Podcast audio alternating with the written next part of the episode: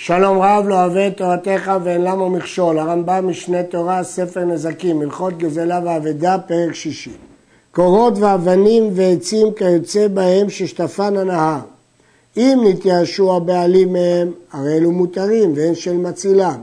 ואם אינו יודע אם נתייאשו או לא נתייאשו, חייב להחזיר. ואין צריך לומר אם היו בעלים מרדפים אחריהם. לפיכך, המציל מיד הנהר ומזוטו של ים, משלוליתו של נהר, ומן הגיס, ומן הדלקה, ומן הארי, ומן הדור, ומן הנמר, ומן הבורדלס, אם ידע בוודאי שנתייאשו הבעלים, הרי אלו שלו, ואם לא ידע, יחזיר. יש להעיר שיש פה שאלה בין התוספתא לבין הברייתא. מה שהרמב"ם העתיק מכאן זה לשון תוספתא, שאם שטף נהר, אם נתייאשו הבעלים, אז זה שלו, ואם לא, חייב להחזיר. איך הוא יודע שלא תייאשו? שהבעלים מרדפים אחריהם. כמובן, כאן צריך יותר ממקרה רגיל, כיוון ששטפו נהר, צריך איזה סימן שהבעלים לא מתייאשים. ואם הוא לא יודע, זה כמו ייאוש שלא מדעת, שהלכה כהביישן לא אוהב ייאוש. אז רק אם הוא יודע בוודאות שהבעלים התייאשו. אבל ישנה ברייתא שהרמב"ם בעצמו פוסק אותה לקמן, מנין לאבדה ששטפה נהר כשהיא מותרת, דכתיב וכן תעשה לחמורו וכן תעשה לשמלתו וכן תעשה לכל אבדת אחיך אשר תאבד ממנו ומצאתה, רצתה זו שעבודה ממנו ואינה מצויה אצל כל אדם. אז רואים שבכל מקרה התורה התירה אותה, בלי קשר אם נתייאשו או לא התייאשו. אה, וגם הרמב"ם עצמו פוסק את הברייתא הזאת, ולכן המפרשים, הגאון מווילנה פה, מחלק בין סוגים של מצבים. יש מצב שהים אה, שטף אותו לגמרי, שאז פשיטה שלא יעזור, רדפים, לא מרדפים, זה כבר אבוד מכל אדם. יש מצב שהנהר שטף, אבל אפשר להדוף, להציל את זה, ואז זה תלוי אם רודפים או לא רודפים. ויש מצב של אבידה שיש בה סימן, שאז בכל מקרה אני מניח שהבעלים לא יתייאשו. המציל מיד לסטיס, לסטיס ישראל, הרי אלו שלו, מפני שסתם הדבר שנתייאשו הבעלים. ואם ידע שלא נתייאשו, חייב להחזיר. סתם ליסטים, הוא, הבעלים מתייאשים, ולכן הרי אלו שלו. אבל המציל מיד ליסיס גוי או מוכס גוי, חייב להחזיר. שסתם הדבר שלא נתייאשו הבעלים. ואם ידע בוודאי שנתייאשו, הרי אלו שלו.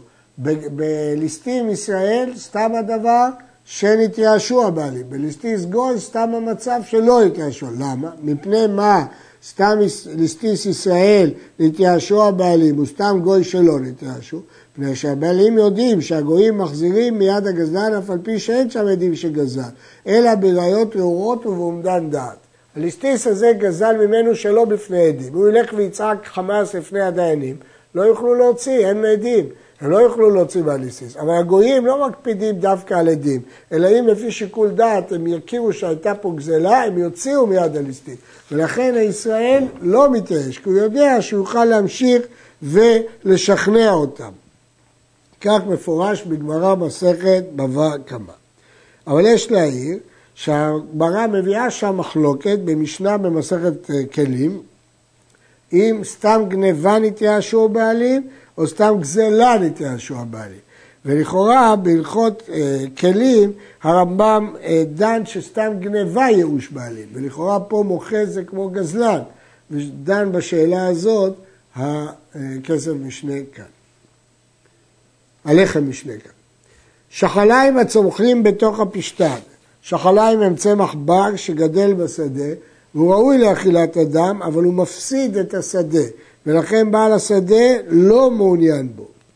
אבל לקט אותם כשהם מלכים, אין בהם משום גזל, פני שהם מפסידים הפשתן על בעל השדה, והוא שמח שאנשים עוזרים לו להוציא את המפסיד הזה.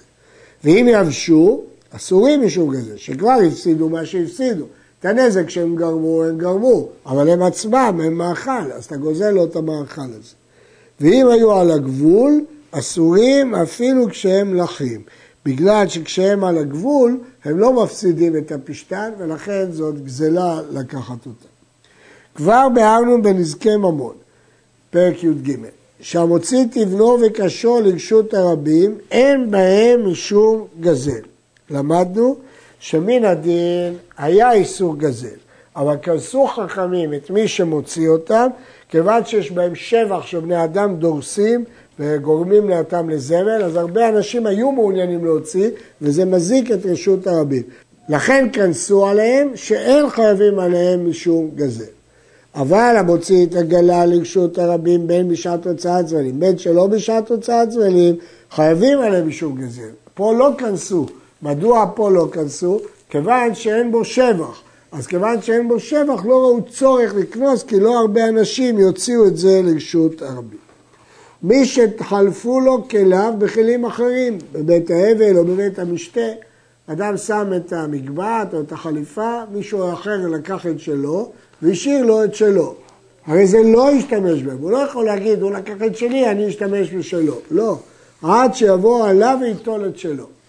נתחלפו לו בבית האומן, אם אשתו ובניו של אומן נתנו לו, או שנתן לו אומן ואמר לו טול כליך, הרי זה לא ישתמש בהם, עד שיבוא עליו וייטול את שלו, כי ברור שהאומן טעה, והוא נתן לו כלי של, משהו, של מישהו אחר. אבל אם אמר לו האומן טול כלי זה, הרי זה ישתמש בו עד שיבוא עליו ויחזיר את שלו. שמא כליו של אומן הוא בעל הכלי ציוות האומן למכרו לו, וכן כל כיוצא בזה. כשהאומן אומר לו, קח את הבגד שלך, ברור שהאומן טעה, אסור להשתמש. אבל כשהאומן יודע שזה לא שלו, והוא נותן לו אותו, משמע שהוא קיבל רשות לתת לו אותו. דברים הרבה אסרו חכמים משום גזל, והעובר עליהם, הרי זה גזלן מדבריהם, כגון מפריחי יונים והמשחקים בקובייה. מפריחי יונים כיצד? לא יפריח אדם יונים בתוך היישוב, שהרי לוקח ממון אחרים שלא כדין, ושמשלח זכר ויביא נקבה משובח אחר, או נקבה ותביא זכר. ולא יונים בלבד, אלא כל העושה כזה בשאר העופות או חיה ובהמה, הרי זה גזלן מדבריהם. הגמרא מביאה אה, שני פירושים מה, מה זה מפריחי יונים. פה הרמב"ם פירש שהיונים האלה, הזכר מביא נקבה והנקבה מביאה זכר, אז זה גזלה. למה זה רק מדבריהם? כי הוא לא גזל בידיים.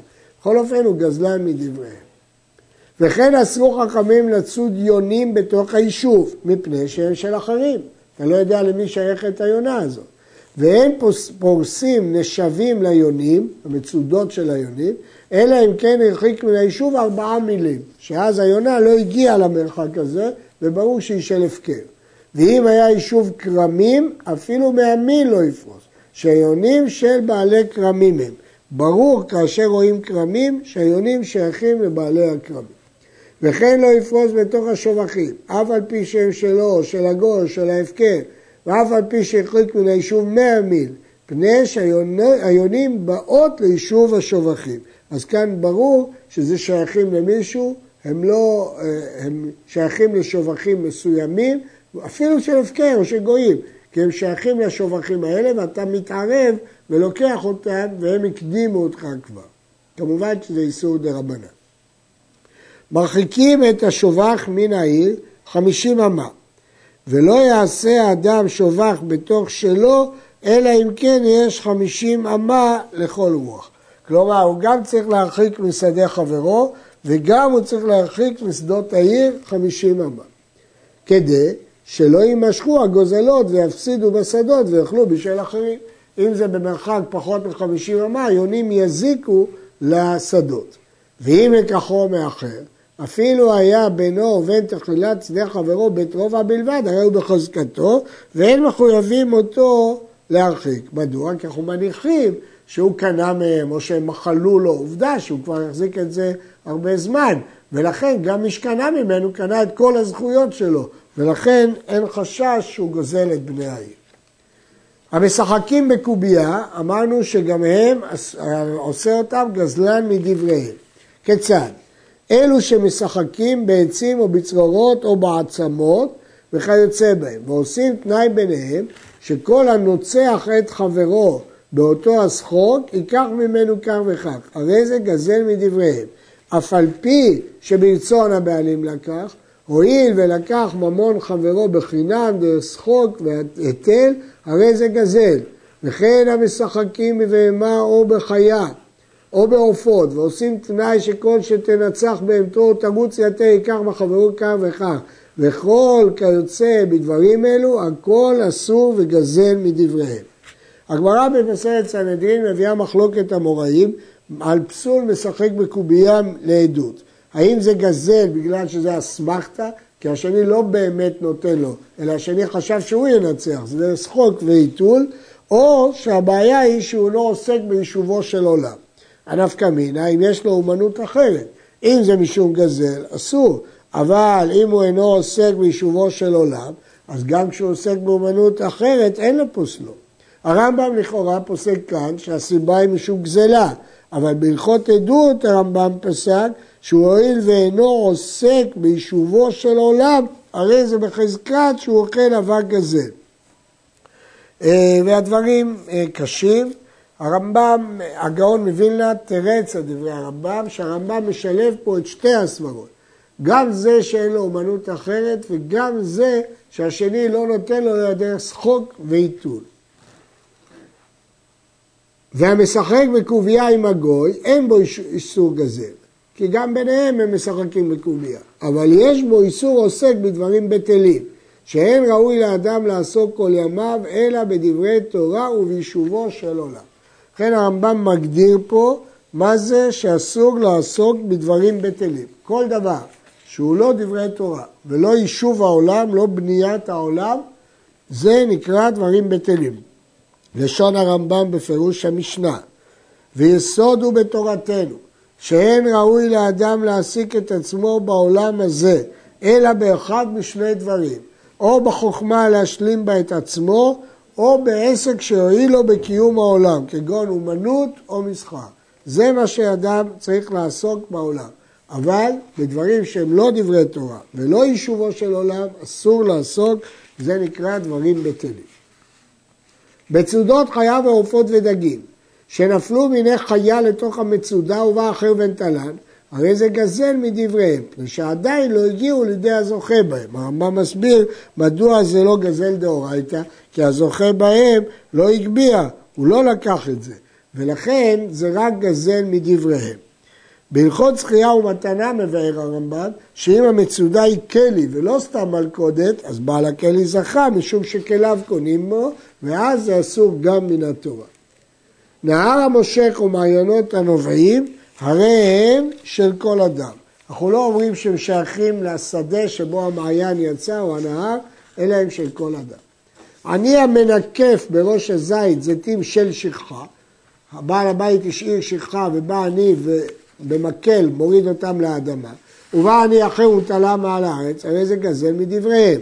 מן התורה זה לא גזלה, מפני שעדיין לא הגיעו ליד הזוכה בהם, אבל מן רבנן זאת גזלה. ואם היה העני מקבץ בידו בראש הזית ומשליך לארץ, הרי זה גזל גמור שהרי הגיעו לידי הזוכה בהם. במקרה הראשון הוא היכה במקל והזיתים נפלו, אז הוא עוד לא זכה בהם, רק מדי רבנן. במקרה השני הוא כתב ביד וזרק, כתב וזרק. אז כאן הוא כבר זכה בהם ברגע שהם הגיעו אה, לידו, ולכן זה פשוט. הדבורים אינן ברשותו של אדם כמו תרנגולים ואווזים, אין לו בהם שליטה, ואף על פי כן יש בהם קניין מדבריהם. מדאורייתא אין בהם קניין, כי אין בהם שליטה. אדם לא יכול לקנות דבר שהוא לא שולט בו, אבל מדרבנן יש קניין. והגוזל נחיל דבורים או שמנעו מבעליו אם בא לרשותו, הרי זה גזל מדבריהם.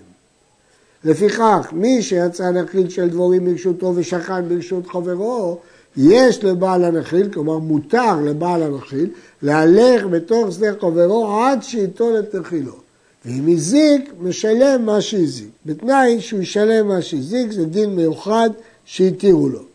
אבל לא יקוץ את הסוחה על מנת ליתן דמים. זאת מחלוקת תנאים במשנה, וכך הלכה, שאסור לקוץ את צורכו על מנת ליתן דמים, זאת פסק, אה, זה פסק הריף והרמב"ם.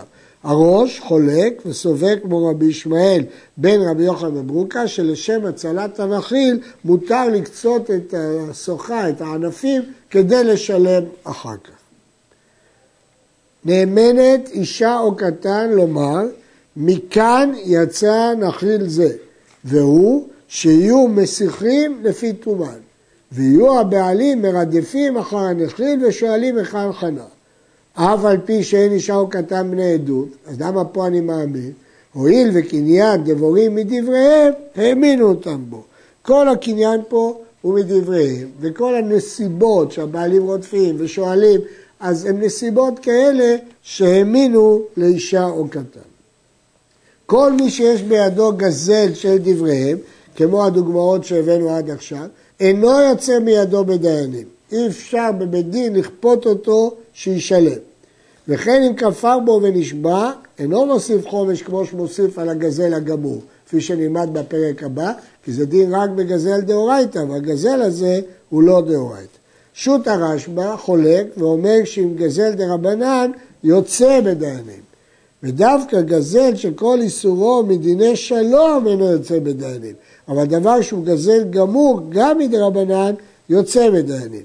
אבל לשיטת הרמב"ם לא כך, והיא נפסקה להלכה בחושן משפט, סימן ש"ע, שגזל דרבנן לא יוצא בדיינים, אבל כתוב שיש חיוב לצאת ידי שמיים ולהשיב. יש דיון האם יתפוס הגזלן עם תפיסה מועילה. עד כאן.